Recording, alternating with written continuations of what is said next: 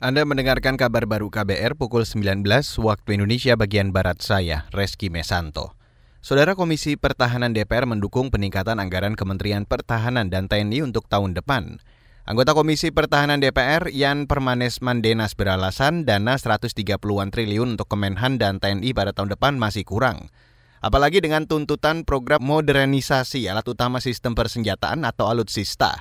Sementara saat ini para prajurit TNI di daerah juga belum didukung alutsista yang memadai. Kondisi demikian perlu menjadi perhatian dari pemerintah demi keamanan dan pertahanan negara.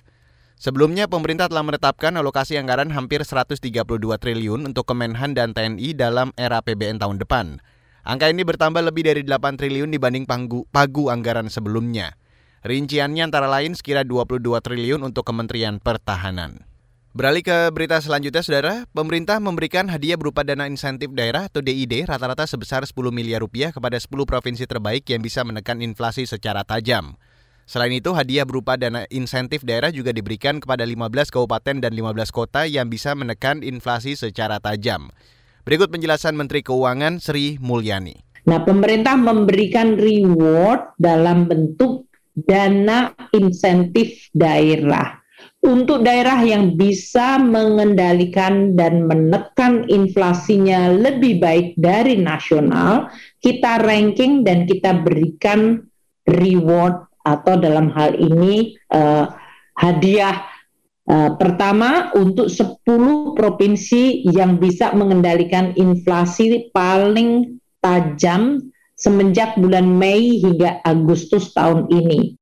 Menteri Keuangan Sri Mulyani memaparkan ke-10 provinsi peraih dana insentif daerah itu antara lain Bangka Belitung, Papua Barat, Sulawesi Tenggara, dan Kalimantan Timur. Sedangkan 15 kabupaten yang mendapat hadiah karena telah berkinerja baik dalam menekan angka inflasi antara lain Belitung, Tabalong, Sintang, dan Merauke.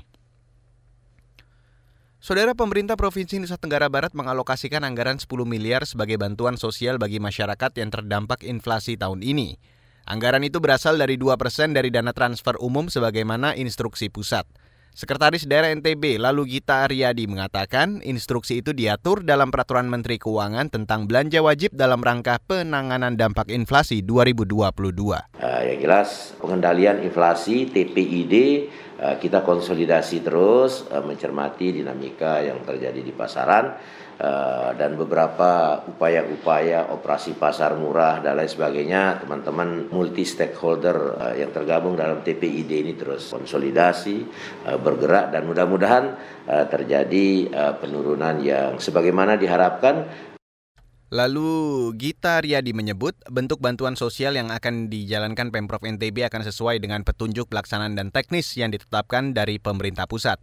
Data penerima yang akan mendapatkan bansos menggunakan data terpadu kesejahteraan sosial atau DTKS. Dan saudara, demikian kabar baru saya Reski Mesanto.